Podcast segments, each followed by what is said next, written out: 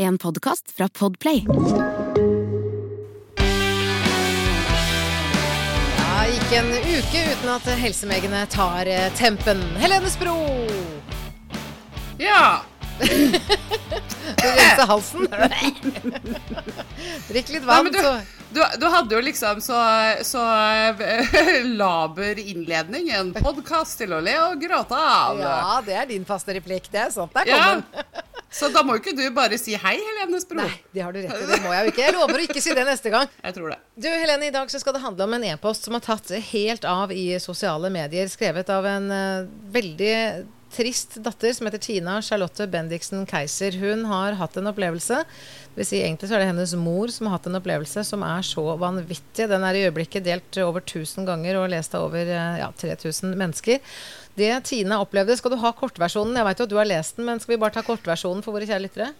Ta kortversjonen for de som ikke har eh, lest den. Og ønsker du å lese den, så ligger den jo på Helsepartiet sine Facebook-sider. Nettopp. Tina skriver jeg stiller spørsmål med hvordan Norge kan nedprioritere helsevesenet. Er ikke helsa det viktigste vi har? Og så forteller hun hva som skjedde med hennes mor, som hadde bodd i Spania og fikk dessverre konstatert eh, livmorkreft. Da kom hun eh, hjem, eh, ble sendt til legevakten med en gang hun landet, for de kunne ikke gi henne nødvendig behandling i Spania.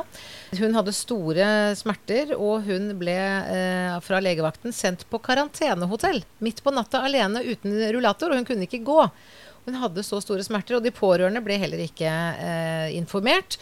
Og siden så ble hun sendt videre til Ahus, men der ville de gjerne ha henne ut igjen så fort som mulig, for de mente at hun var så syk at det var ingenting de kunne gjøre.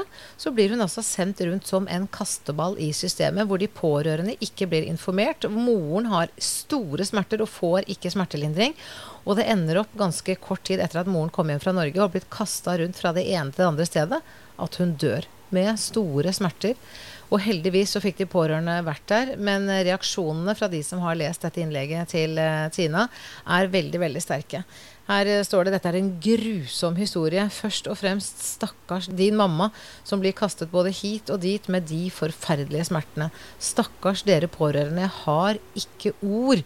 Og så er det, det er ikke vanskelig å bestemme meg for hvem som skal få min stemme til høsten. Og det er jo eh, Helsepartiet er jo da det eneste partiet som ser mekanismene her. For det er dessverre sånn at jo mer de andre partiene tar til sine hjertesaker, jo mindre blir det igjen til helse. Og når vi har så utarmede ressurser, så er det dessverre pasienter innimellom som opplever å bli en kasteball i systemet. Ingen vil ta utgiftene, ingen vil bruke pengene det koster å ta vare på disse pasientene, og så blir resultatet så ille som her. Men er dette, Helene, sånn som enkelte da hevder, kanskje folk som spesielt har vært på sykehus og fått god hjelp, er dette et sjeldent engangstilfelle at det går så galt? Vet du hva, det er det dessverre ikke. Og, og det er altså så mange eksempler på lignende eh, tilfeller at det er helt eh, Det er grusomt. Og det er jo det som er det som er så vanskelig, er jo det at eh, altså det er fint å, å hylle eh, alle de gode opplevelsene, alle de gode behandlingene, alle de som har fått livet sitt reddet i en akutt situasjon. Det er veldig viktig å anerkjenne det. Men det er minst like viktig å tørre å se på disse skjebnene her, da. Og de tilfellene hvor det faktisk ikke går bra i det hele tatt, og folk blir behandla på en måte som ikke er i nærheten av verken verdighet, omsorg eller respekt. Det er grusomt at det her skjer. Og når vi går og, og hevder at vi har det beste helsevesenet i verden, da burde jo ikke dette her ha skjedd. Og det er mange helt absurde eksempler på hvordan eh, folk eh, blir kasteballer i systemet. Jeg opplevde selv noe som jeg ikke trodde var mulig da jeg hadde praksis i min utdannelse, og det her er jo nå ganske mange år siden. Fire og et halvt. Nei, 20 år siden. Da, da hadde jeg praksis på en gastroavdeling, og inn der kommer det en dame med alvorlig anoreksi og har da symptomer på organsvikt. Men eh, fordi hovedproblemet hennes er mat, så havner hun på gastroavdelingen.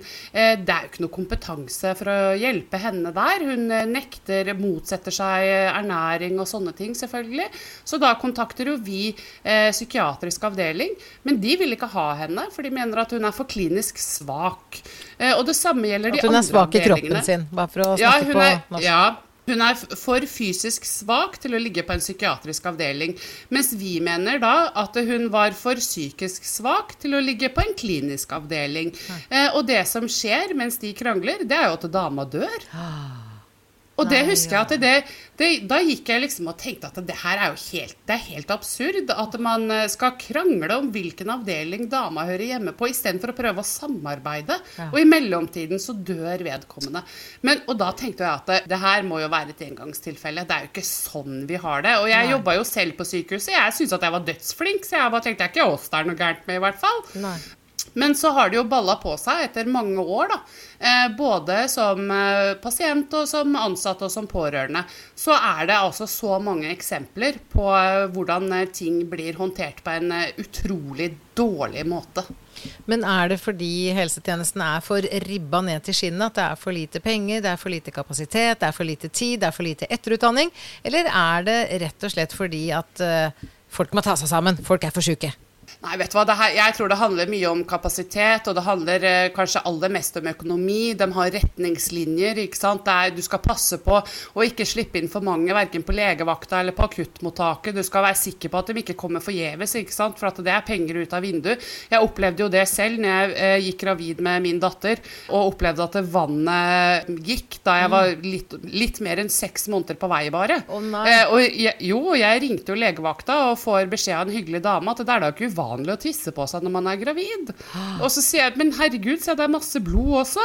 Ja, men har du vondt noe sted? Nei, jeg. Nei, da vet du hva, da får du nesten bare ta deg en dusj og slappe av, dette går over. Eh, det hører med til historien at jeg, jeg skjønte selv. At uh, dette er ikke Jeg har ikke tissa på meg. Så vi kjørte i 100 og altfor mye til sykehuset, og det gikk ikke Det er lov i en stunda før nødsituasjon å bryte Ja. fartsgrensa.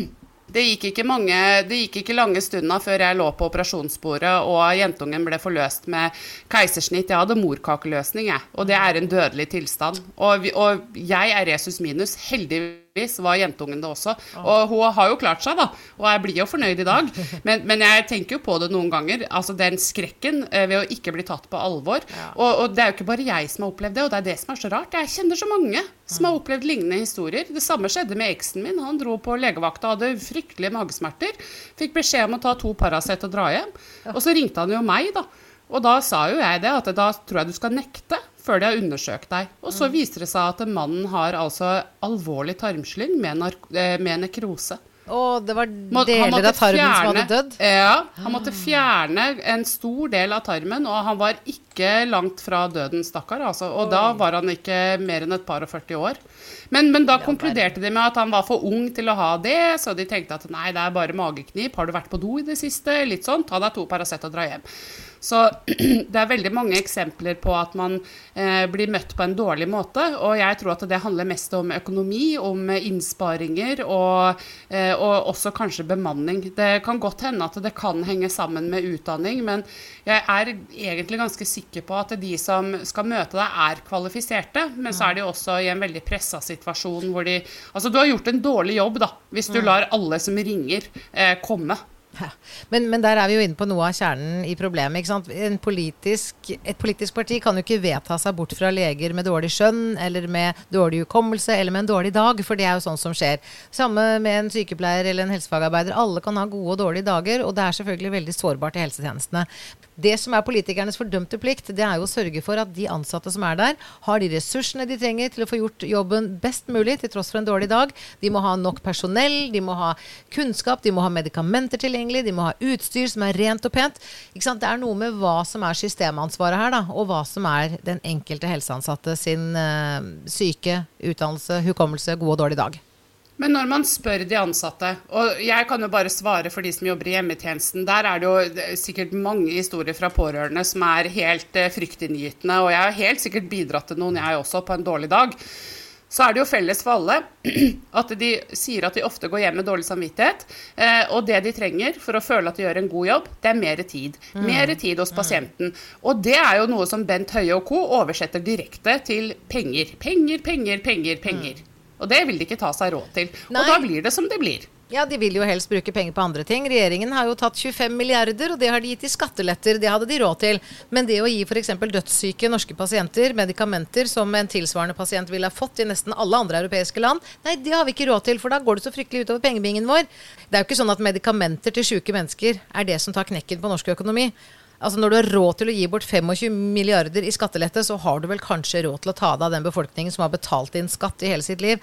Altså Denne prioriteringen går meg helt på nervene, og det er bare velgerne og demokrati som kan rette opp i disse feilene her. Men de må jo se at det er en investering. men det, den der kranglinga om hvem som skal ta regninga, den er altså så latterlig og så barnslig. Og, det er, altså, og vi har, dette har jo vi ledd av før, Lise. Mm. Men når det kommer til pasienten som må betale prisen, og som lider, så er det søren ikke mye morsomt lenger. Nei. Og vi, jeg husker veldig godt vi hadde en ganske ung dame som ble operert eh, for en alvorlig kreftsvulst i eh, ryggraden. Mm. Og, og, vi var kjempespente, for hun kunne bli lam, eller det kunne gå bra. Eh, operasjonen var vellykka, og hun ble ikke lam, men hun hadde jo grusomme smerter. Mm. Så hun hadde selvfølgelig en smertepumpe. Etter ganske lang tid på sykehuset så ønsket hun seg hjem, for hun hadde små barn hjemme. Mm. Og det er klart at hun skulle få lov til å dra hjem. Eh, men hun trengte jo mer medisin da, til den smertepumpa. Ja, det er klart.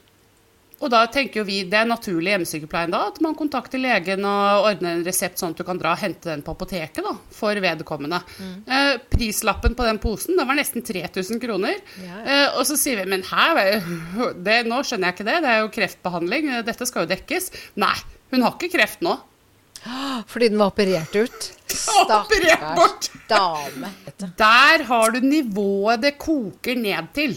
Ikke sant?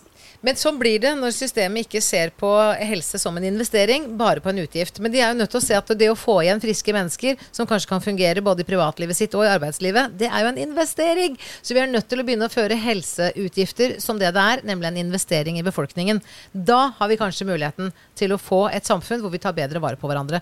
Det er, det er det som er så idiotisk. ikke sant? Det her, det er, altså, det her er det samme som å bruke dritmye penger på å anlegge en hage, men du må for guds skyld ikke vanne den, eller Nei. ta på noe gjødsel, mm. eller bruke noe mot ugress, for det koster penger. Og så kan du bli dødsskuffa da, når det gror igjen og blomstene dør.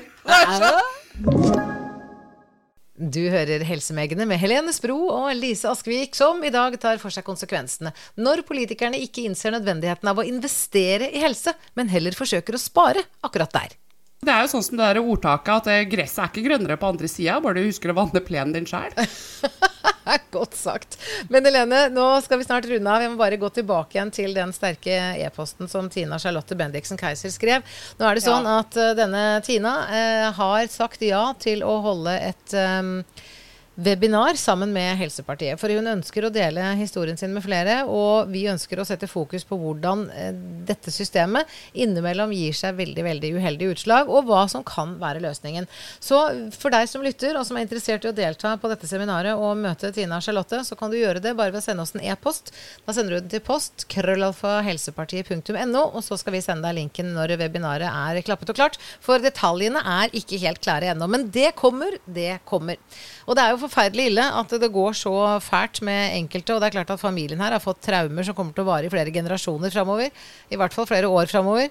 Men eh, om vi kan klare å unngå noen av disse skjebnene i framtiden, Helene, så kanskje det er verdt det. At vi har lagt både jobb og karrierer og lønninger på hylla for å slite livet av oss med å bygge et eh, helseparti som velgerne kan bruke som instrument ved valg.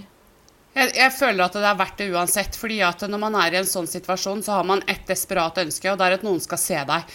ikke sant? Og ta den historien på alvor og anerkjenne det du har blitt utsatt for. Og da syns jeg det er greit. Jeg syns det er fint og det er viktig at vi gjør det. Det er en viktig historie, og det er viktig at folk får et innblikk i hvordan det faktisk eh, står til her, altså. Mm. Helene, tusen takk for praten igjen. Så må du hilse de skjønne barna og den lille hunden. Ja, det skal jeg gjøre. Ikke glem katten, da. Han er ganske Selvopptatt. Mjau. ha det. Du har hørt en podkast fra Podplay. En enklere måte å høre podkast på. Last ned appen Podplay eller se podplay.no.